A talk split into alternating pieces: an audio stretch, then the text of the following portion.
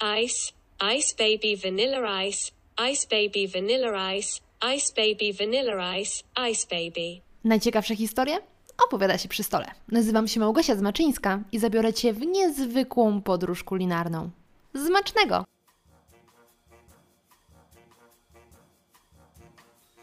Myślę, że ten piękny utwór w wersji a cappella wykonany przez Google Translate tylko dlatego, że nie mogę wsadzić oryginału ze względu na prawa autorskie, więc tak wybrnęłam, już zdradza, czego będzie dotyczył dzisiejszy odcinek. Chociaż prawdą jest, że już to wiecie z tytułu, także mogłam sobie to odpuścić, ale nie mogłam, bo bardzo chciałam usłyszeć Ice Ice Baby recytowane przez Google Translate. Zanim przejdę do bohaterki dzisiejszego odcinka, czyli do kawy mrożonej, to pomyślałam, że opowiem Wam nieco e, historię, kulisy powstawania tego odcinka, ponieważ część z Was, która dłużej mnie słucha albo obserwuje na Instagramie, to zdaje sobie sprawę z tego, że nie jestem wielkim kawoszem. Bardzo lubię pić kawę, natomiast gdyby nie istniała, to jakoś bardzo bym nie ubolewała, e, a także jeśli mm, mam się napić kawy, to nie mam rozterek, e, gdzie znaleźć najlepszą kawę speciality, tylko po prostu idę do Maka i tam też jestem bardzo zadowolona z tego, jaka jest kawa. Ja pierdolę, Jimmy. To musi być jakaś strasznie droga kawa. Wystarczyłaby jakaś rozpuszczalna, a ty nam serwujesz kurwa ambrozję. Jaki to smak? Temat kawy nie jest jakiś bardzo bliski mojemu sercu, a jednak jest to już drugi odcinek poświęcony kawie. Zresztą pierwszy odcinek to chyba był drugi w ogóle, który się pojawił w ramach Zmacznego. To było skomplikowane zdanie, ale tak, więc jest to już drugi odcinek poświęcony kawie, no i pytanie, dlaczego w ogóle się na niego zdecydowałam? Otóż słuchajcie, historia jest taka, że gdzieś w okolicach marca bądź kwietnia tego roku odezwała się do mnie agencja, która pośredniczy pomiędzy różnymi markami a podcasterami, czyli ogólnie ogarnia lokowania produktów w podcastach. I właśnie odezwali się do mnie z takim zapytaniem, czy byłabym zainteresowana podjęciem współpracy z pewną firmą. Oczywiście nie mogą mi powiedzieć jaką, ale ja już się bardzo dobrze domyślałam, o kogo może chodzić która w okresie letnim będzie właśnie e, promowała swoje nowe kawy, które pojawią się na rynku. Oczywiście zanim udzieliłam odpowiedzi, to musiałam zrobić mały research, czy kawa mrożona jest w ogóle ciekawym tematem do opowiedzenia, czy jej historia jest ciekawa, bo jak już na pewno zauważyliście słuchając Smacznego, mnie najbardziej interesują historie różnych produktów i jak się okazało, że jest ciekawa, no to pytanie w jakiej formie to zrealizować, no bo jednak e, ten produkt musiałby być ulokowany, więc pomyślałam, że warto byłoby wtedy porozmawiać z baristą, który byłby przedstawicielem tej marki, na temat różnych trendów związanych z kawami mrożonymi, bo jak się zaraz przekonacie, to w temacie kaw mrożonych bardzo dużo się dzieje, y, szczególnie na przestrzeni ostatnich lat. No więc tak to wszystko sobie wymyśliłam, powiedziałam, że jestem zainteresowana, wysłałam wstępny konspekt, jak taki podcast mógłby wyglądać, ale finalnie nic z tego nie wyszło. Jednak po tym wstępnym researchu, który już zrobiłam, doszłam do wniosku, że historia ta jest całkiem ciekawa i pomimo, że no hajsu z tego nie będzie, e, jest to kolejny podcast robiony z zajawki, to pomyślałam, że warto, abyście tę historię poznali i mimo wszystko zdecydowałam się na nagranie tego odcinka, bo jak zaraz się sami przekonacie, kawa mrożona niejedno ma oblicze, i nawet można się spodziewać, że w kolejnych latach będzie miała ich jeszcze więcej, a także coraz bardziej rozgości się w kartach różnych kawiarni i to nie tylko w okresie letnim. Zanim już przejdziemy do właściwej części podcastu, zanim opowiem Wam wszystkie te historie, to od razu powiem, że pomimo, że odcinek jest długi, co w sumie jest Wam na rękę, bo macie e, możliwość słuchać go na raty, więc starczy też na dłużej, to warto posłuchać go do końca, ponieważ na samym końcu mam dla Was małą niespodziankę. Surprise, mother... Mnie taka wczesna kawa lat 90., mrożona, stricte restauracyjna, bo jestem w ogóle z Łodzi i tam jakby mam wrażenie, że w latach 90. ta kultura kawiarniana praktycznie w ogóle nie istniała. A właśnie, bo zapomniałam wspomnieć, zgodnie z planem, który już wtedy w kwietniu sobie wymyśliłam, do podcastu zaprosiłam baristę, ale to nie byle jakiego, ponieważ jest nim Łukasz Gałęcki. Barista i trener w Coffee Solutions, w internecie znany jako Luke Master Brewing. Potem troszeczkę te kawiarnie zaczęły się pojawiać i to teraz jest naprawdę, zaczyna być fajnie, ale gdzieś w latach 90. faktycznie kawiarni było mało, więc to jest wspomnienie restauracyjne. Ale myślę, że to nawet nie jest domena samej Łodzi, tylko Polski. W ogóle tak, no odbudowywanie samej świadomości kawiarni, kawowej, tak. tak. kawiarni, e, domów kawowych, jak to kiedyś przecież przed wojną było, że, że, że po prostu naprawdę się wychodziło do kawiarni, były duże takie coffee houses, jak, jak w Wiedniu czy w Budapeszcie, tak samo przecież było w polskich miastach. Już król Sobieski pod Wiedniem gustował w tym napoju. Szkoda, że nie doczekał epoki ekspresów. Nasze bary kawowe przeszły na bazę najwyższej techniki. Niestety walka o nowe toczy się ze zmiennym szczęściem. Tak zwana kawa po polsku nadal nam grozi. A co z ekspresem? Zepsuty, nieczynny, chwilowo nie działa. Na razie w naprawie. Śrubki brakuje. Ciężkie pieniądze wydaliśmy na zakup ekspresów i oto rezultaty. 90% kawiarni wróciło do piastowskich metod parzenia. Złośliwi mówią, że w ten sposób łatwiej nabrać klienta. Trzeba będzie uruchomić wyższą szkołę inżynierii ekspresowej, bo psuć każdy potrafi, a naprawić nie ma komu. Kompletnie jakby to zatraciliśmy. Zostały się bary mleczne z PRL-u, ale jakoś e, takie fajne, klasyczne kawiarnie nam się nie uchowały. No więc w każdym razie wspomnienie mam stricte restauracyjne i widzę taką kawę w wysokim pucharku, mrożoną pewnie gdzieś zblendowaną lub ciapcianą faktycznie jakimiś lodami waniliowymi i olbrzymia, wielka masa y, pitej śmietany. Tak! Stópki, raczej nie z syfonu i jeszcze jakaś taka kandyzowana wisienka na górze. Gdzieś widzę coś takiego. Okay. Coś takiego. Dlatego takie moje początki w ogóle picia kawy, zanim się zacząłem zajmować kawą, to raczej nie, nie, nie szło nigdy w kawy mrożone, bo kojarzyło mi się właśnie z tą bitą śmietaną, a że ja nie toleruję laktozy, to nie była moja sprawa. Czyli nie tolerowałeś tak. laktozy, zanim to było modne. Tak. Ja w wieku 5 lat, będąc w szpitalu po otrzymaniu e, zupy mlecznej od, od pani e, pielęgniarki, obrzygałem wszystkie dzieci naokoło. Mam nadzieję, że dobrze Wam się słucha tego podcastu kulinarnego. I od tamtej pory, tak, i od tamtej pory już wszyscy wiedzą, że ja nie toleruję laktozy bardzo intensywnie. Zapytałam Łukasza, jakie jest jego pierwsze wspomnienie kawy mrożonej e, i dokładnie powiedział o tym samym, które ja miałam, czyli kawa mrożona to była kawa z dodatkiem lodów i bitej śmietany. Łukasz wspomina to nie najlepiej, natomiast ja jako dziecko, które naprawdę kochało cukier pod każdą postacią, nie pogardziłabym tymi lodami ani bitą śmietaną, chociaż ta kawa w sumie była mi wówczas najmniej potrzebna, bo jednak byłam dzieckiem, ale lody, bita śmietana pod każdą postacią. I co ciekawe, słuchajcie, Łukasz mówiąc o tym, mówił taką trochę dezaprobatą, że dlaczego takie rzeczy pojawiały się w Polsce, a okazuje się, że ta kawa ma swoją nazwę i jest to Ice Coffee, pisana jako e i s k a f f e e czyli kawa mrożona w niemieckim wykonaniu. Internecie spokojnie znajdziecie e, właśnie przepis na tego typu kawę z lodami. I jest to, jak mówi internet, taki głównie niemiecki wynalazek. I znowu ja wiem, że już w ostatnim odcinku historii tortów robiłam sobie lekkie takie podśmiechujki z naszych zachodnich sąsiadów, ale y, jeśli dla części z Was jednak y, ta kawa z lodami i bitą śmietaną jest czymś takim, no, kontrowersyjnym, to wiecie, no, ten sam naród stworzył parówki w słoiku, także ja nie mam za dużych oczekiwań. Ale żarty na bok, ponieważ temat jest bardzo poważny. A to dlatego, że jak już wspomniałam Wam na początku, kawa mrożona staje się coraz istotniejszą pozycją na rynku kawowym. I to nie tylko w okresie letnim, który nie chce nikogo martwić, ale powoli dobiega końca, jeśli słuchacie niedługo po premierze. Kurwa, już było dobrze! Kurwa, już było dobrze! Pierdolę!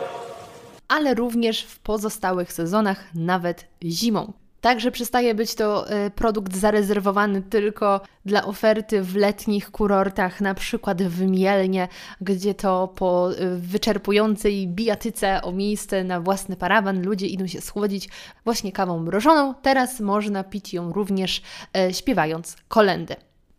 Specjaliści analitycy mają na to swoje pewne teorie, dlaczego zaczęliśmy pić znacznie więcej kaw mrożonych. I jedna z tych teorii głosi, że młodzi ludzie, którzy to właśnie najwięcej ze wszystkich grup spożywają e, kaw mrożonych, wychowali się na różnych mrożonych i słodkich napojach gazowanych i teraz te swoje przyzwyczajenia przenoszą na kawę. I brzmi to dla mnie całkiem legitnie, że y, my podłączę się jeszcze pod hasło młodzi ludzie, faktycznie od dziecka pijemy różne gazowane, chłodzone napoje, słodkie napoje, więc kiedy wchodzimy w ten dorosły etap życia, kiedy można pić kawę, to też część tych nawyków przekładamy na również ten trunek, bo na przykład nasi rodzice nie tylko pili, ale nawet zjadali kawę fusiastą. Wiem, że dla niektórych to może być szok, że można było jeść fusy, dla mnie też to był szok, ale tak się robiło. I myślę, że te osoby po prostu mają swoje przyzwyczajenia, swoje smaki, nie chcą już eksperymentować, bo często te kawy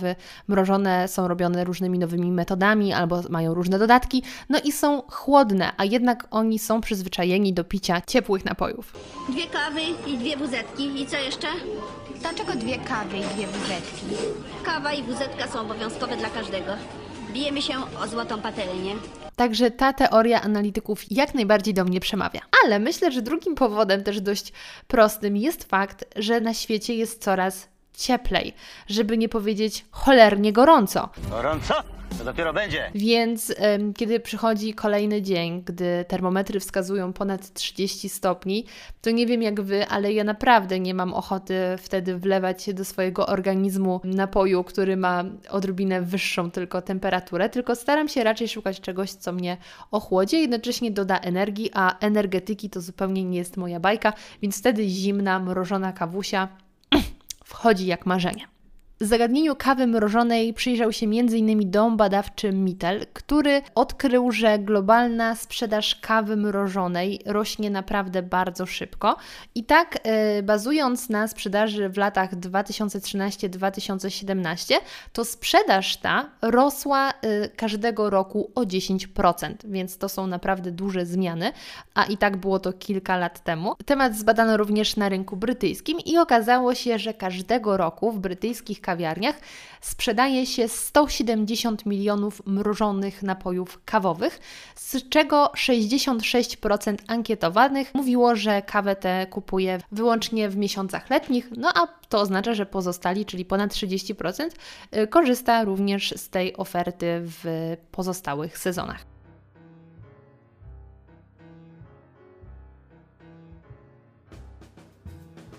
No ale dobrze, kiedy to się właściwie wszystko zaczęło? Czyli kiedy pojawiła się pierwsza kawa mrożona i jak ona wyglądała. I zazwyczaj, kiedy przechodzimy do historii takiego pierwowzoru, dzięki któremu wszystko się zaczęło, to cofamy się wiele, wiele wieków, nawet tysiącleci, jak to w przypadku lodów. Tutaj odsyłam Was do dwóch odcinków poświęconych historii lodów, jeśli jeszcze ich nie słyszeliście, bo jestem przekonana, że usłyszycie tam wiele zaskakujących informacji na temat tego letniego przysmaku. Natomiast jeśli chodzi o kawę mrożoną, to powiem Wam, że wcale tak daleko nie musimy się cofać, bo zaledwie do XIX wieku. Właśnie mniej więcej w połowie XIX wieku, w okolicach 1840 roku, 1850, e, Francuzi kolonizowali Algierię i jedna z bitew, która rozegrała się w tamtym czasie, miała miejsce w miejscowości Mazagran. I właśnie z tą miejscowością jest związana historia powstania pierwowzoru kawy mrożonej o nazwie Mazagran. Właśnie od nazwy tej miejscowości swoją nazwę wzięła pierwsza mrożona kawa.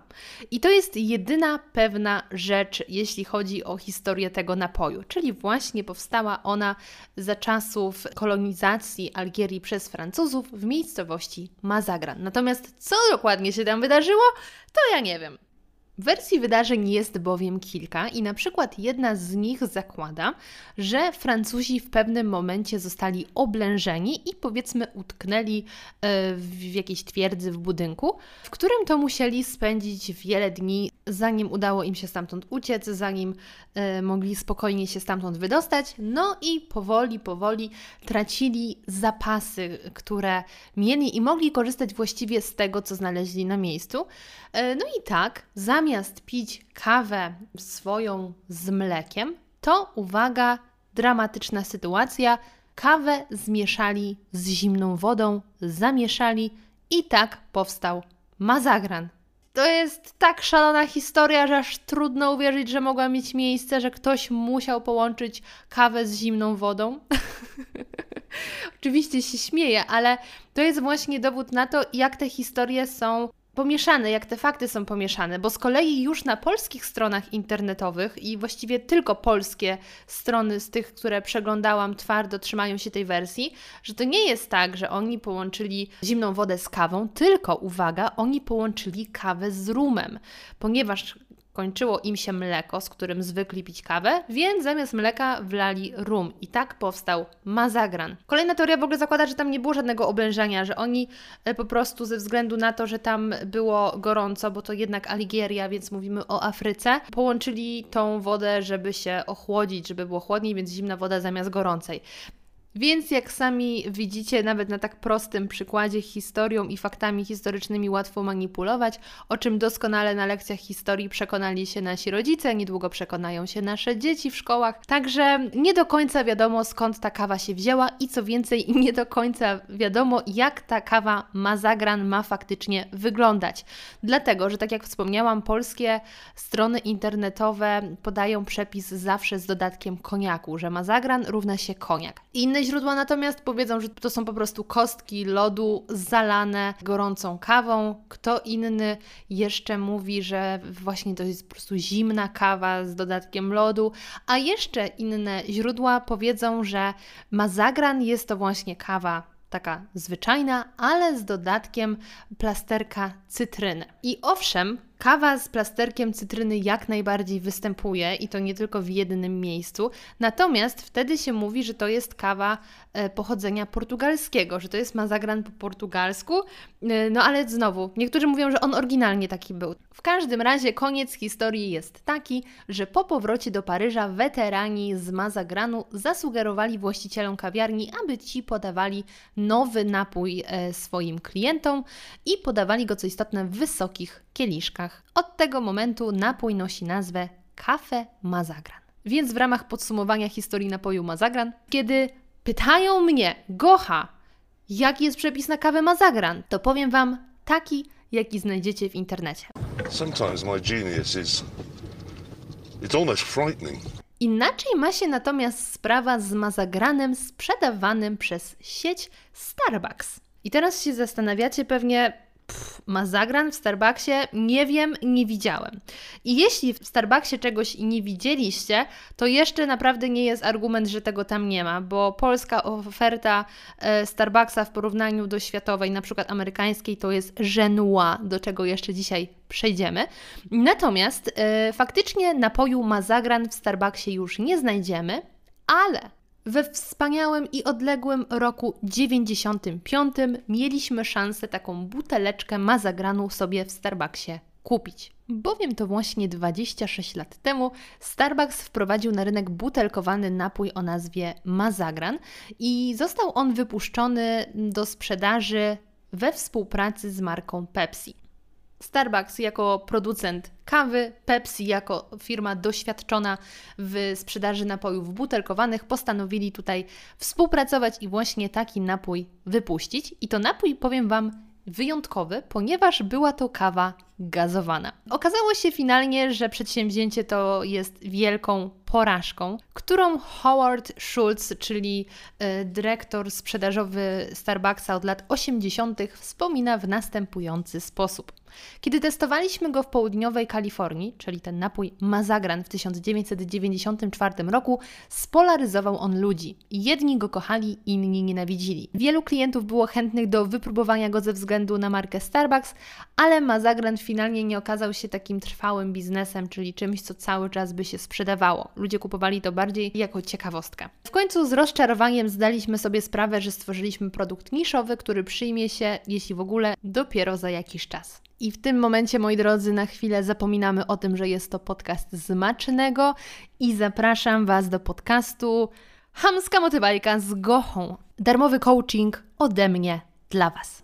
Czasem wydaje Ci się, że poniosłeś wielką porażkę, że jesteś przegranym, ale pamiętaj, że nawet największa porażka może być przedsionkiem do wielkiego sukcesu.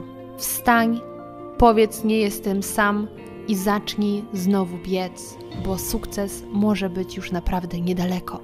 Bo gdyby po porażce Mazagranu Starbucks na zawsze schował się pod kołderką i pomyślał: Oj nie, nie chcę więcej próbować nowych rzeczy, bo nie chcę znowu odnieść porażki, to prawdopodobnie nigdy, ale to nigdy nie odnieśliby tak wielkiego sukcesu. Bo już w kolejnym roku, w roku 95, przystąpili ponownie do pracy i tak narodził się ich kultowy napój Frappuccino, na którym w przyszłości trzepali wielki hajs i trzepią go do dzisiaj. Także moi drodzy, przechodzimy do kolejnej odsłony kawy mrożonej Frappuccino, ale zanim Frappuccino, to porozmawiajmy o kawie Frappe. Gdzieś potem zaczęły się jakieś takie wariacje instant, jakieś były wersje cappuccino w torebce i gdzieś tak. to można też było zrobić na zimno z lodem. Gdzieś nie do końca to się rozrobiło, gdzieś takie grudki zostawały i, i, się to wyjadało. Ale powiedzieć, że ja to doskonale pamiętam. Pamiętam wakacje u babci, kiedy właśnie wszystko się rozbija o marketing, kiedy już były kawy najpierw dwa w jednym, później trzy w jednym, mhm. później cztery w jednym, później się pojawiło 5G. Dokładnie. Dokładnie. I właśnie któryś producent wypuścił idealną kawę instant w tych torebkach w niebieskim opakowaniu. Zupełnie nie pamiętam, co to było, ale przygotowując się do naszej rozmowy, przypomniałam sobie ten motyw. Niebieska grafika z białymi elementami, że to niby miał być lód. I to była kawa, którą właśnie w lato piliśmy, bo ona była przecież doskonałą kawą na kawę mrożoną. Dokładnie, no gdzieś, gdzieś taki motyw się przejawia bardzo takiej kawy instant, ale potem już takie najwcześniejsze wakacyjne moje wspomnienie i faktycznie kiedy kawa na zimno mi smakowała, no to Grecja i, i te takie bardzo, bardzo klasyczne jakieś frappe. Frappe. Powiem Wam, że do momentu rozmowy z Łukaszem nigdy nie operowałam tą nazwą. Na pewno gdzieś tam musiała mi się rzucić w oczy, ale nie do końca żyła w mojej świadomości. Chociaż tak naprawdę już w tym fragmencie mogliście usłyszeć, że ja mówię o kawie frappe, chociaż nie byłam jeszcze tego do końca świadoma, ponieważ owa kawa 3 w jednym w niebieskim opakowaniu to była właśnie kawa frappe sprzedawana przez firmę Nestle. Co więcej, jest ona sprzedawana do dziś, ale wtedy to faktycznie była taka nowość na polskim rynku. Idealna kawa na lato. Nowość. Nescafe Frappe. Łatwa w przygotowaniu. Wystarczy zimna woda lub mleko i lód. Efekt działania pobudzenie. A sami użytkownicy za nic mają sobie upał. Wystawili nas. Odkręćmy to! Grzej się, Frappe! Bunt! Bunt! Bunt!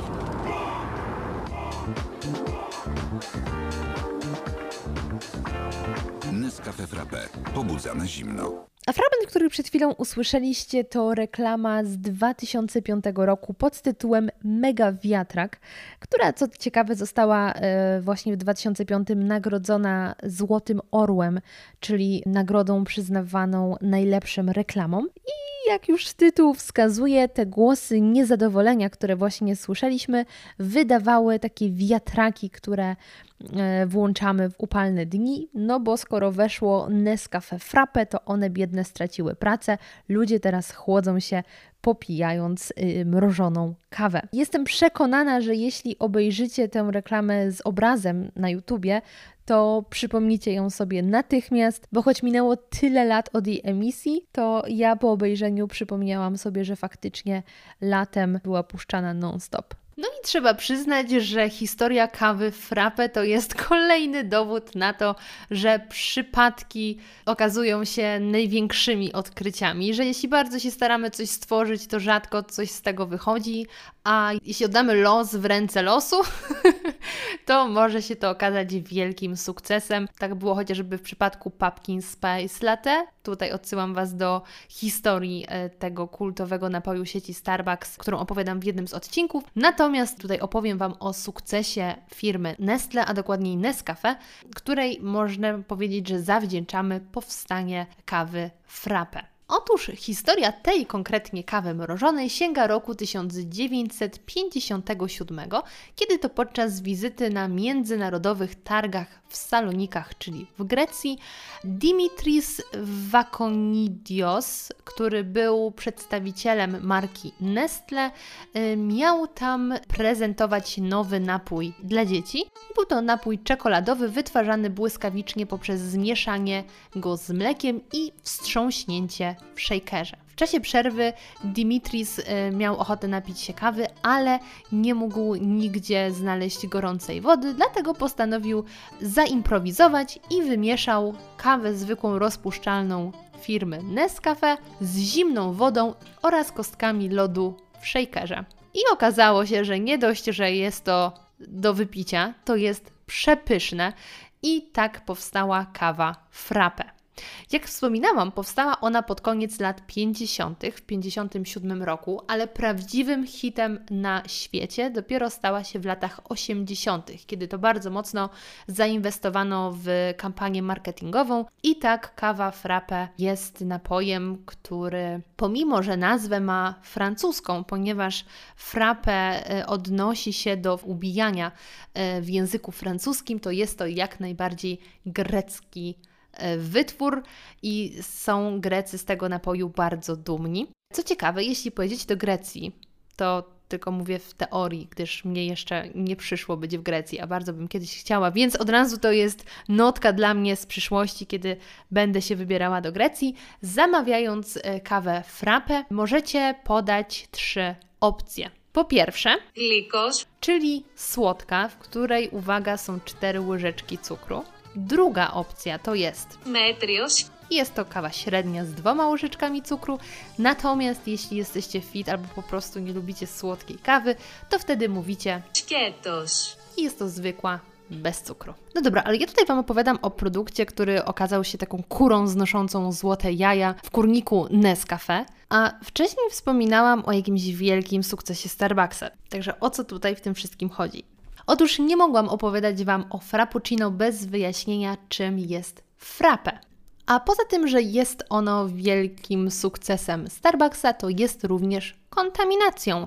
I specjalnie postanowiłam zachować to słowo, żeby móc uznać, że podcast ma charakter edukacyjny, ponieważ uwaga, kontaminacja to słowo lub wyrażenie będące połączeniem dwóch lub więcej słów albo wyrażeń zazwyczaj o pokrewnym znaczeniu. Przykładami takiej kontaminacji jest słowo pstrokaty, czyli połączenie słów pstry i srokaty, czy też na przykład z angielskiego mamy słowo smog i jest to połączenie wyrazów smoke oraz fog, czyli dymu i mgły. No i nasze frappuccino to jest nic innego jak połączenie słowa frappe ze słowem cappuccino. I już opuszczamy nasz kącik językowy i wracamy do kącika historycznego, czyli jak to było z tym frappuccino. Oryginalne frappuccino zostało stworzone, nazwane, opatentowane przez George'a Howella. Jeśli nie wiecie, kto to jest, to już wyjaśniam, że jest to amerykański przedsiębiorca i jeden z pionierów ruchu kaw speciality w Stanach Zjednoczonych na początku lat 70.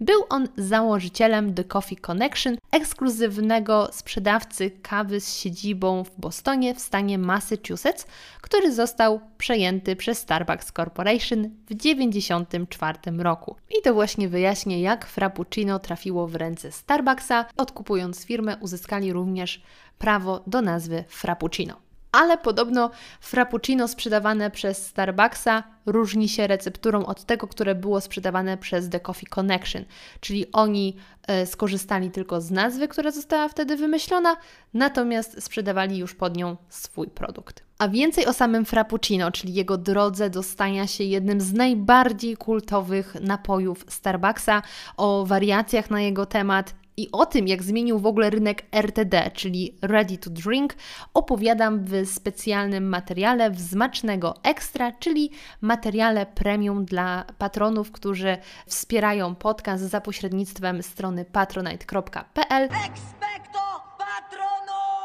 Jeśli chcielibyście jakoś nagrodzić y, pracę, którą wkładam w przygotowywanie podcastów i chcielibyście postawić mi właśnie taką wirtualną, mrożoną kawę, to również zapraszam Was na stronę patronite.pl. Także w tym podcaście to już tyle na temat Frappuccino, więcej wzmacznego ekstra, a teraz przechodzimy do kolejnego wcielenia kawy mrożonej. Mój absolutny faworyt spośród wszystkich odmian kaw mrożonych, chyba nawet też zwykłych, czyli Another cold brew? Don't mind if I cold do. moi drodzy, cold brew. Najprościej na świecie mówimy o tym, że to jest kawa parzona na zimno, gdzie są tutaj już dwa kłamstwa, bo ani ona nie jest parzona, ani nie jest parzona zazwyczaj na zimno. Jest to po prostu macerat, czyli łączymy wodę najlepiej źródlaną ze zmieloną Źród- kawą. źródlaną, czyli jednak nie przygotowaną. Najlepiej źródlaną. Ja polecam zawsze źródlaną e, ze względu na zawartość minerałów. Gdzieś do ekstrakcji kawy zawsze potrzebujemy odpowiednią mineralizację wody, żeby ona nie była zbyt wysoka, żeby móc po prostu dać szansę tej kawie wytrącić się faktycznie w wodzie, a jeżeli mamy wysoko zmineralizowaną wodę mineralną, czy powiedzmy naszą warszawską kranówkę, która jest mocno zmineralizowana, to już miejsca po prostu w tej wodzie dla kawy nie będzie. Dlatego kawa zaparzona właśnie na, na ciepło nawet e, wodą filtrowaną e, czy źródlaną, a wodą z kranu to są zupełnie, jakby zupełnie inne smaki, zupełnie inne e, ja- jakości kawy. Ale w przypadku cold brew ma to naprawdę zdwojone znaczenie. Nie działamy już tutaj temperaturą i ciśnieniem, tak? Jedyne co mamy do dyspozycji to jest czas, czyli łączymy tę wodę odpowiednią do cold brew, najlepiej źródlaną, z odpowiednią ilością e, kawy A kawa. i dajemy jej czas a- na to, żeby mogła się pomoczyć. A czy stopień zmielenia kawy jest istotny? Tak, jak najbardziej stopień mielenia e, przy cold brew jest istotny. Tutaj mówimy o dość grubym mieleniu, właśnie z tytułu takiego, że chcemy dać czas tej kawie na to, żeby ona sobie spokojnie oddała swój smak i powstała właśnie z, z tego cold brew. Z kolei gdybyśmy zmienili bardzo drobno, bardzo dużo nieprzyjemnych e, smaków by się wytrąciło w tej kawie, bardzo wysoka korzyść byłaby takiego naparu i najzwyczajniej w świecie praktycznie, technicznie bardzo ciężko jest taką kawę przefiltrować. Jeżeli mielibyśmy kawę zmieloną pod espresso lub taką e, klasyczną turecką kawę na tylko totalny miał drobniutki pył, to strasznie ciężko nam byłoby oddzielić tę kawę po maceracji od, od samego naparu cold brew. A czy musimy ją Musimy, musimy, bo e, taka kawa będzie cały czas nam ekstrahować. Cały czas tam się będą w niej dziać procesy chemiczne. Dlatego mówimy, że cold brew zazwyczaj, w zależności od przepisu, od 8 do nawet 24 godzin maceracji, czy to zostawiamy właśnie taki macerat na blacie e, kuchennym w temperaturze pokojowej, czy wstawiamy do lodówki, to ten czas faktycznie się różni, ale powyżej tych 24 godzin, no tam po prostu już się zaczynają dziać crazy rzeczy. Ale co? co? Co się może złego wydarzyć? Bo ja ogólnie do wszelkich zasad związanych z kawą podchodzę takie mhm. I y, mam absolutnie złe ziarno do cold brew, którą lubię, natomiast mi to ziarno smakuje, więc korzystam i trudno jest odcedzić, ale czasem ja nawet zostawiam w tej lodówce w zasadzie, dobra, dzisiaj nie wypiłam, to może jutro i tak niespecjalnie się przyjmuję tym, ile czasu minęło. One eternity later. Co się złego może wydarzyć? Przede wszystkim Tak. gorycz powinna się zdecydowanie zwiększać, bo jakieś gdzieś pochodne kofeiny, gdzieś jakieś nieprzyjemne składniki, pochodne estrów z kawy zaczynają się wytrącać po tym czasie 24 godzin. Wszystkie takie niepożądane, nieprzyjemne już rzeczy dodatkowe, które są w kawie, która w większości to ziarno jest drewniałe, tak? Więc Mhm. im dłużej ją moczymy, tym, tym więcej tych takich drewnianych rzeczy zaczyna do tej kawy przechodzić. Dlatego często mówimy, że takie przeleżałe brew ma takie mocno zdrewniałe, mocno popiołowe nuty, bo po prostu niemiłosierna gdzieś tam gorycz się zaczyna pojawiać. Ale to jedna sprawa. No, jedna, jedna kwestia to jest kwestia smakowe. smak, tak, Tak. doznań smakowych. Druga to jest, że taka kawa zaczyna być bardzo nieprzyjemna dla żołądka. W sensie wypicie Hmm. takiej kawy, która długo była faktycznie zbyt długo macerowana, może po prostu spowodować jakieś nieprzyjemności, jakieś niestrawności. Bo E, w ogóle myślę fajnie zauważyć, że sama cold brew jest łatwiej strawna. Tak, I ja to widzę po moim żołądku, że o wiele lepiej się czuję po cold brew niż Jak po zwykłej kawie. To jest właśnie e, ten cały mit, że to kofeina wpływa negatywnie na nasz, e, nasz żołądek. To wcale nie jest kofeina, tylko wszystko to, co się razem z kofeiną z kawy wytrąca. Jeżeli faktycznie niektórzy mówią, "Mm, kawa nam nieźle działa, kawę espresso, to dla takich osób zawsze polecam właśnie na samym początek albo kawę filtrowaną, albo, albo cold brew, bo one są zdecydowanie delikatniejsze dla żołądka, bo właśnie nie ma tam tak wielu tych oleistych, pochodnych, e, kofeiny i innych substancji, substancji, które nie będą się wydzielać w cold brew i nie będą po prostu trafiać do naszego żołądka i gdzieś tam jakieś hecy powodować. Mhm. A trzeci powód jest taki, że jeżeli nie odcedzisz takiej kawy, to nie masz pojęcia, w którym momencie może zacząć tam, się proces jakiegoś zepsucia tej kawy najzwyczajniej. Nawet w lodówce. Tak, jak najbardziej. Tam nadal się może po prostu zacząć jakieś życie e, dziać. A w momencie, kiedy odcedzisz tą kawę, porządnie ją przefiltrujesz i masz stricte e, napar, no to on może sobie spokojnie stać nawet 7 dni w lodówce, w zamkniętej karawce i nic nie będzie się z nim dziać. Jak już wspomniałam na początku, kocham cold brew. Mój żołądek również jest bardzo szczęśliwy, kiedy piję tę kawę. E, I odkryłam ją kilka lat temu. Myślę, że to był jakiś rok 2018 albo 2019, kiedy po raz pierwszy usłyszałam i spróbowałam cold brew. Natomiast taką światową sławę cold brew zdobyło w 2015 roku, latem 2015 roku, ponieważ właśnie wtedy Starbucks wypuścił własne cold brew i uwaga, Forbes donosi, że sprzedaż cold brew w całym kraju wzrosła o 25% po wydaniu cold brew Starbucks, czyli łącznie sprzedaż wszystkich cold brew w kraju była 20% wyższa po tym, jak swoją wypuścił Starbucks. I być może pamiętacie, kiedy na początku mówiłam, że e, oferta polskiego Starbucksa właściwie woła o pomstę do kawowego nieba, ponieważ oferta ta jest bardzo uboga. Nie ma nawet zwykłego cold brew. Cześć, tutaj Gocha z przyszłości, dokładnie kilkanaście godzin przed publikacją tego odcinka. Słuchajcie, muszę zwrócić honor, a właściwie część honoru Starbucksowi.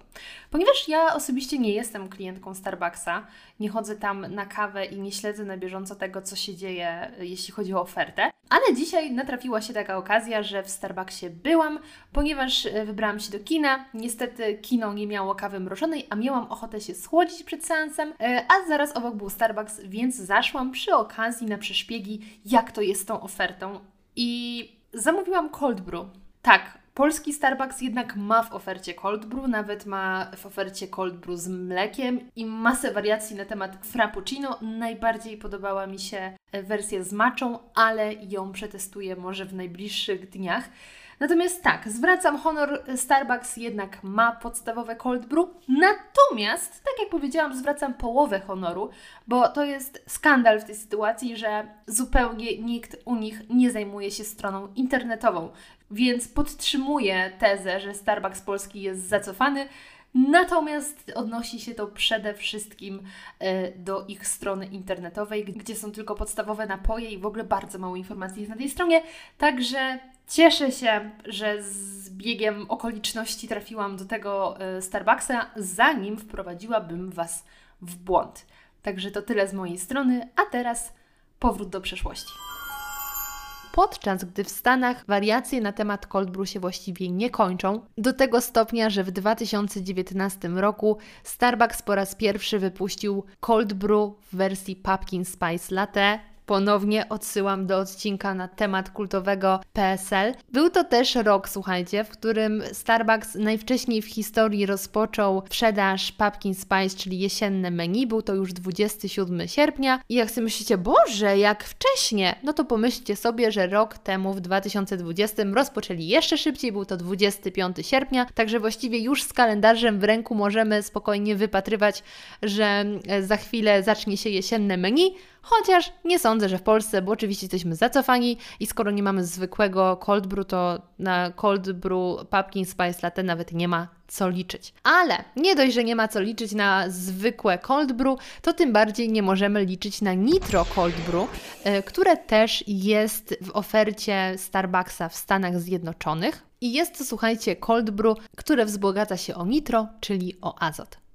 Było już Ice Coffee, Mazagran, frappe, frappuccino, cold brew, nitro cold brew, ale to nie wszystkie wcielenia i oblicze kawy mrożonej, ponieważ co kraj to własna kawa mrożona, chociaż nie wiem, czy mamy swoją polską. Jeśli mamy, albo macie pomysł, jak taka mrożona polska kawa mogłaby wyglądać, to koniecznie dajcie mi znać. No a jakie mrożone kawy znajdziemy w różnych zakątkach świata?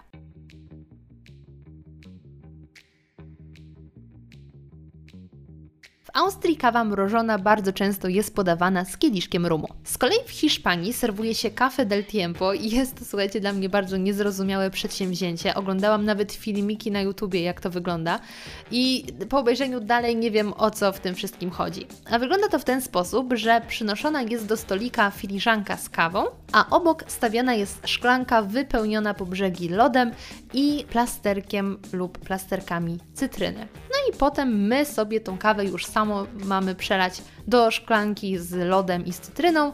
Oczywiście wcześniej możemy sobie tą kawę posłodzić, jeśli mamy na to ochotę.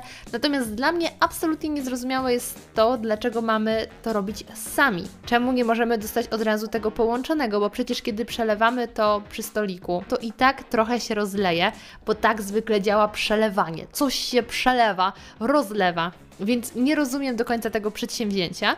Co więcej, no chyba na tej samej zasadzie wygląda ta kawa e, w Portugalii, co jest serwowana z cytryną ale tam to się nie nazywa Cafe del Tiempo, natomiast też pojawia się motyw cytryny, więc jak widać wszystko to jest bardzo do siebie zbliżone. Natomiast czymś zupełnie innym jest kawa serwowana w Wietnamie. Nie dość, że kawa w Wietnamie parzona jest w taki specjalny sposób, za pomocą takiego ustrojstwa. Jestem bardzo zła w nazywanie sprzętów do przygotowywania. Dalej mi się Aeropress z jakimś Chemexem czy innymi dziwnymi rzeczami myli. Natomiast tutaj mamy takie urządzonko i ta kawa powolutku się skrapla i spada do szklanki. A w tej szklance uprzednio nalewa się mleko skondensowane. I potem do tego mleka powolutku skapuje nam ta kawa. Potem, kiedy ta kawa już jest cała w środku. Wówczas to mieszamy, jeśli mamy jeszcze ochotę dosłodzić, dosładzamy, a następnie właśnie przelewamy do szklanki, w której jest już lód. I taką kawą możemy latem zostać poczęstowani w Wietnamie. Natomiast z takich jeszcze ciekawszych mrożonych kaw, o których warto wspomnieć, jest myślę sycylijska granita. Czym jest granita, to nie wiem, czy muszę Wam tłumaczyć. Mam nadzieję, że nie, bo ja słabo tłumaczę, jak już pewnie zauważyliście. W każdym razie granita to jest napój z takiego bardzo pokruszonego lodu i tutaj się tą kawę tak normalnie przygotowuje, a następnie się to mrozi i potem się tak to rozkrusza i to potem się jeszcze raz mrozi. No i mamy i tak właśnie powstaje kawowa granita. Bardzo Was proszę, jeśli zaintrygowałam Was tym e, specjałem, to proszę sprawdźcie go sobie w Google, jak to dokładnie wygląda, żeby później nie było na mnie, że Wy nie wiecie, bo ja po prostu nie umiem tłumaczyć. Minus i minus to minus. Plus to plus. Plus i minus to minus. Jeśli mamy plus i minus, to wychodzi minus, a jeśli jest minus plus minus, to wychodzi plus, to leży na minusie. A jak jest plus i plus, to wychodzi plus, czyli jest plus. A minus i minus, to wynik jest minus. Czyli minus jest plusem, czyli minus jeden. Proste, nie? I oczywiście co kraj to obyczaj, co kraj to mrożona kawa, tych wariacji jest bardzo, bardzo dużo, ale czy zastanawialiście się kiedyś nad tym, dlaczego większość kaw mrożonych jest z mlekiem? Bo dla mnie właściwie przez lata było oczywiste, że jeśli jest kawa mrożona, to ona jest z mlekiem. Co więcej, idziemy do kawiarni, zamawiamy kawę mrożoną, to dostajemy z mlekiem, bez pytania, czy chcemy kawę z mlekiem. I jaki był mój szok, kiedy któregoś razu moja kumpela powiedziała, kiedy powiedziałam, napiłabym się kawy mrożonej, tylko nie chcę mleka, ona mówi, to zamów bez mleka. I jakim dla mnie szokiem było, że można w kawiarniach podejść i poprosić o kawę mrożoną bez mleka i dostajemy po prostu zwykłą kawę z lodem. I zapytałam właśnie Łukasza, Dlaczego jest tak, że kawa mrożona to właściwie niemalże równa się kawa z mlekiem? Mm, to wydaje mi się, że jest mocno związane z popularnością dużych sieci kawiarnianych lub około kawiarnianych, mhm. czyli Starbucksa i Dunkin' Donuts e, w Stanach Zjednoczonych, mhm. które właśnie wylansowały tą wersję raz, że olbrzymiej kawy, kubeł kawy e, z mlekiem. E, frappuccino. Z, tak, też. frappuccino, czy, czy, czy nawet na ciepło, po prostu na słodko. Takie same powiedzmy odpowiedniki, tylko mrożone, zaczęli oferować latem. Wiadomo, stricte świetne rozwiązanie biznesowe. Olbrzymia marża, bo przecież co tam jest? Kubeł lodu, do tego podwójne espresso, które w przypadku dużej sieci nie kosztuje wiele. Coś dodatko, dodatkowego słodkiego, co w skali jest dość tanie, bo jest skoncentrowane i masa a sprawi, mleka. A sprawi, że będziesz chciał jest wrócić. szczęśliwy, tak, uzależni, przyzwyczai do smaku. E, jednocześnie sprawi, że możemy sobie to sączyć przez długi czas. Mhm. E, no, takiego dużego kubła czarnej kawy nie wypijemy, więc wydaje mi się, że ta taka popularność tego, że sączymy tego Starbucksa długo, e, właśnie mogła przyczynić się do tego, że zaczęliśmy utożsamiać kawę właśnie mrożoną z mlekiem. Jak sami słyszycie, Starbucksa można lubić, można nie lubić, ale jedno trzeba mu przyznać, ma naprawdę spore zasługi albo przewinienia, zależy z której strony na to spojrzeć, jeśli chodzi o to, jakie panują trendy kawowe, co ludzie piją na całym świecie, jakie smaki w kwestii kawy preferują. The whole purpose of places like Starbucks is for people with no decision making ability whatsoever to make six decisions just to buy one cup of coffee. Short, tall, light, dark, calf, decaf, low fat, non fat, etc. So people who don't know what the hell they're doing or who on earth they are can, for only $2.95, get not just a cup of coffee, but an absolutely defining sense of self. caramel macchiato. Tall, decaf, cappuccino. Tall decaf cappuccino. No dobra, doskonale zdaję sobie sprawę z tego, że niektórzy z Was nigdy nie włączają zmacznego na głodnego, albo zaraz po wyłączeniu zmacznego po prostu idą jeść, bo podcast ten wzbudza Wasz apetyt. Co nie ukrywam, bardzo mi schlebia. Dlatego myślę sobie, że po takim długim podcaście poświęconym kawie, część z Was zaraz albo skoczy do Starbucksiunia po kawę, albo zaraz przygotuje ją w swoim domu. No więc, żeby nie było, że tak sobie pogadaliśmy, fajnie, fajnie, trochę teorii, to teraz, moi drodzy, praktyka. Czyli Łukasz zdradzi Wam, jak przygotować idealną mrożoną kawę w zaciszu swojego domu, o ile macie faktycznie ciche mieszkanie. Przede wszystkim ziarno wysokiej jakości. Po prostu. Najzwyczajniej w świecie. Świeże ziarno wysokiej jakości. Jeżeli to jest ranga speciality, czyli faktycznie kawy najwyższej jakości, to tym lepiej. I do klasycznej mrożonej kawy z mlekiem Polecałbym przede wszystkim ziarno, które nie będzie za ciemne, nie takie klasyczne włoskie palenie, tylko coś, coś troszeczkę jaśniejszego, żeby móc jednak fajnie ją połączyć z mlekiem i nie musieć tutaj walczyć z goryczą takiej kawy, która się pojawi. Clue kawy mrożonej polega na tym, że przez to, że jest tam dużo lodu, to nasze odczucie sensoryczne jest takie, że nie czujemy słodyczy na takim poziomie jak w rzeczach w temperaturze pokojowej i w ciepłych. Czyli sztucznie, teoretycznie takie rzeczy musimy zawsze dosładzać po to, żeby one się wydawały nam słodkie w wersji zimnej. Stąd fenomen Coca-Coli czy Pepsi, które z lodem nam smakują świetnie, ale jak jest w temperaturze pokojowej, już jest za słodka i paskudna. Podobnie jest z kawami, czyli w momencie, kiedy ona jest mrożona, musimy czymś tutaj spróbować się poratować, żeby ona się wydawała słodsza. Klasycznie to jest dodanie jakiegoś syropu, miodu, czy, czy po prostu e, cukru i faktycznie posłodzenie tej kawy. Ja bym szczerze mówiąc rekomendował albo użycie mleka bez laktozy, które jest naturalnie słodsze, Tak, percepcja jest naturalnie słodsze dla nas, albo mleka roślinnego, I które... tutaj może więcej poszaleć też. Tak, dokładnie. Różne, czy to owsiane, czy sojowe, to już są dwa różne smaki. E, mleka roślinne czy napoje roślinne będą tutaj świetnie nam e, grać, bo one są naturalnie słodkie też na zimno. W sensie one nie stają się słodkie po podgrzaniu, jak mleko krowie, klasyczne, tylko one faktycznie są słodkie już w wersji takiej e, prosto z lodówki. Więc takie dobrze przygotowane espresso, poprawnie, czy kawę z kawiarki z fajnej jakościowej kawy, świeżo zaparzone przede wszystkim, a nie ta kawa gdzieś tam od stana, gdzieś wyjęta właśnie z lodówki. Nie, nie chowajmy kawy z kawiarki do lodówki, tylko wypijajmy ją od razu. Tak ewangelizuję pomiędzy. A połączone z, z właśnie z mlekiem bez laktozy, czy roślinnym i świeży, dobry lód, nie kupny, tylko samemu zrobiony z wody źródlanej też. Jeżeli chcecie się pobawić w takie wersje trochę bardziej fancy, to możecie sobie strzejkować takie espresso czy kawa z kawiarki z dwoma, trzema kostkami lodu i ją w ten sposób schłodzić, jednocześnie trochę zmienić jej teksturę. E, a potem taką właśnie miksturę wylać na kostki lodu i mleko lub napój roślinny i świetnie wam to będzie faktycznie smakować. Mhm. To jest taka wersja powiedzmy kafe latte shakerado. Shakerado to jest po prostu szejkowane espresso. Co za zajebista nazwa. Tak, więc takie kafe latte shakerado by naprawdę by to fajnie wam smakowało. Jednocześnie zobaczycie jak strasznie fajna będzie tekstura tej kawy, bo to nie będzie po prostu dolana kawa do, do takiej kawy mrożonej, tylko faktycznie ona będzie miała swoją własną, bardzo interesującą konsystencję. Też jeżeli macie możliwość spienienia ręcznie sobie takim bzyczkiem tego mleka lub napoju roślinnego na zimno, lub są takie fajne teraz spieniacze dostępne w sk- sklepach AGD, gdzie możecie po prostu na zimno coś po prostu spienić, Mhm. to to jest naprawdę fajna opcja, bo e, zmieniacie sobie zupełnie charakter takiej kawy, ona faktycznie jest puszysta, nie taka lejąca, a, a jest taka bardziej deserowa i możecie zdecydowanie bardziej się tym pobawić i macie wtedy taką wersję na zimno cappuccino. Polecam się troszeczkę z ten temat zagłębić, pobawić i trochę akcesoriów wypróbować. Pojawiają się też, też takie trendy wszem i wobec, które mówią o tym, że wystarczy po prostu zamrozić przygotowaną kawę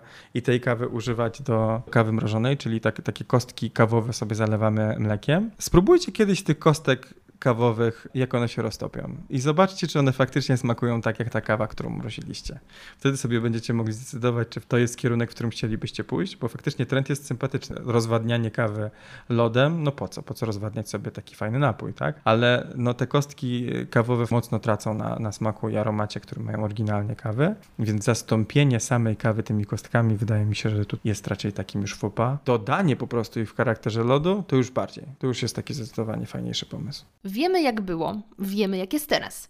Dlatego zapytałam również Łukasza o to, jakie trendy widać już na horyzoncie w kwestii kawy mrożonej i czego w najbliższym czasie możemy się spodziewać po naszych kawiarniach. Wszystko gdzieś wskazuje na to, że świat baristyczny bardzo się zbliży ze światem e, barmańskim. Czyli whisky z, kawą? To, że whisky z kawą to raz, ale takie bardziej mocktaile, czyli bezalkoholowe wersje z twistem kawowym, czyli mamy powiedzmy, nie wiem, gdzieś popularne, znane, klasyczne Negroni i ono zamiast alkoholu ma składniki kawowe i okołokawowe, które mają nam ten smak przypominać. Espresso martini, które klasycznie jest alkoholowe, ale może być też w wersji virgin. Wszelkiego rodzaju popularność bezalkoholowych bittersów, które po prostu można łączyć aperitivów, które można łączyć z kawą i mieć fajne, wytrawne drinki bezalkoholowe. To jest pewnie coś, czego będziemy wiedzieć coraz więcej w świecie kawiarni. Jest to o tyle fajny trend, że przynajmniej oddaje to jakiś taki rzemieślniczy charakter tych napojów. Trzeba się trochę namęczyć, żeby faktycznie zrobić jakiś fajny kordial, trzeba się namęczyć, żeby zrobić jakąś infuzję. Gdzieś pewnie zacznie się pojawiać przy tych mocktailach jakiś dym aromatyzujący dane takie właśnie koktajle kawowe,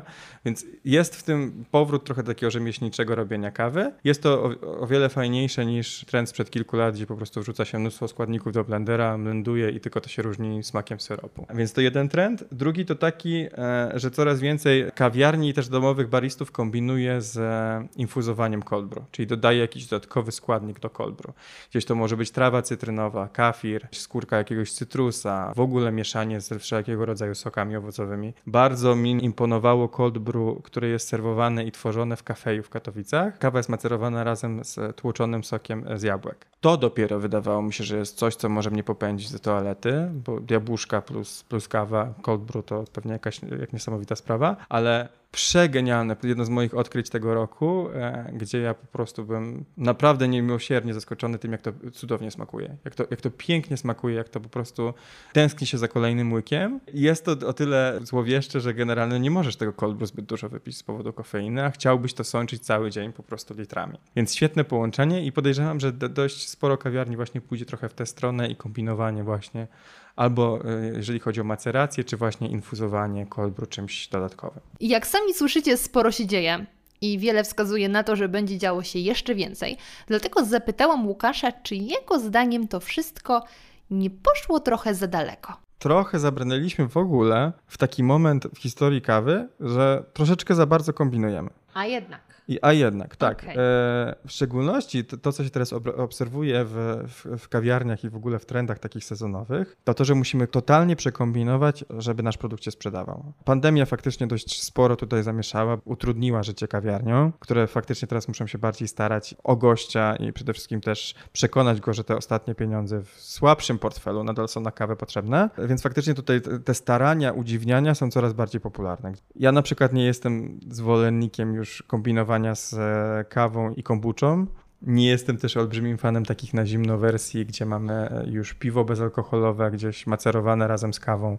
To dla mnie to też się zaczyna już robić mocno dziwne. Już wolałem to klasyczne z lat 90. karmi z nutą kawową, bezalkoholowe. Nie tak słodko jak myślisz.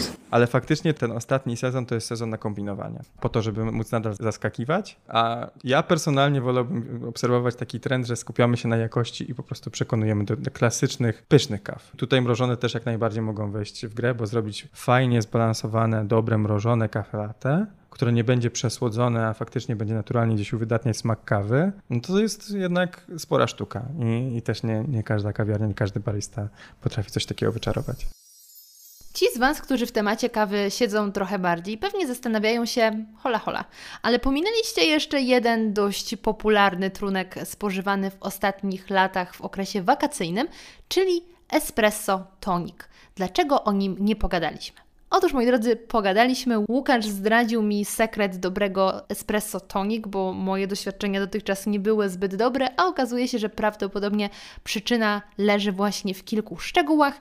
I jakie są to szczegóły, to o tym możecie usłyszeć już w Zmacznego Ekstra, czyli kolejnym dodatkowym materiale dla patronów.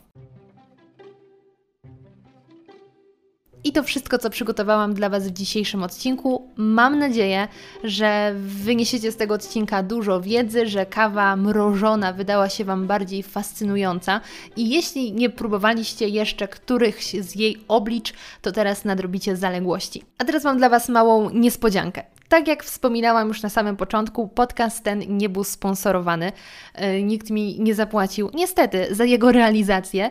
E, natomiast mam bonus dla Was, ponieważ Łukasz, jako dobry ziomeczek, zapytał, czy chce, aby e, przygotował dla Was 10% kod rabatowy do sklepu coffee.pl, pisane jako C-O-P www.kawy.pl, gdzie możecie znaleźć liczne kawy speciality, herbaty, jakieś gadżety, a ja powiedziałam, super, Wy na tym skorzystacie, więc czemu nie? Także serdecznie Was zapraszam. Finalizując zakupy, wpiszcie zmacznego i otrzymacie 10% zniżki. W opisie do odcinka, bo teraz nie pamiętam jaki jest termin ważności tego kodu, znajdziecie informacje do kiedy on obowiązuje. Na koniec chciałam złożyć serdeczne podziękowania moim patronom, którzy, e, skoro jesteśmy przy temacie kawy, to właśnie oni fundują mi takie wirtualne kawy w zamian za e, pracę włożoną w przygotowywane podcasty.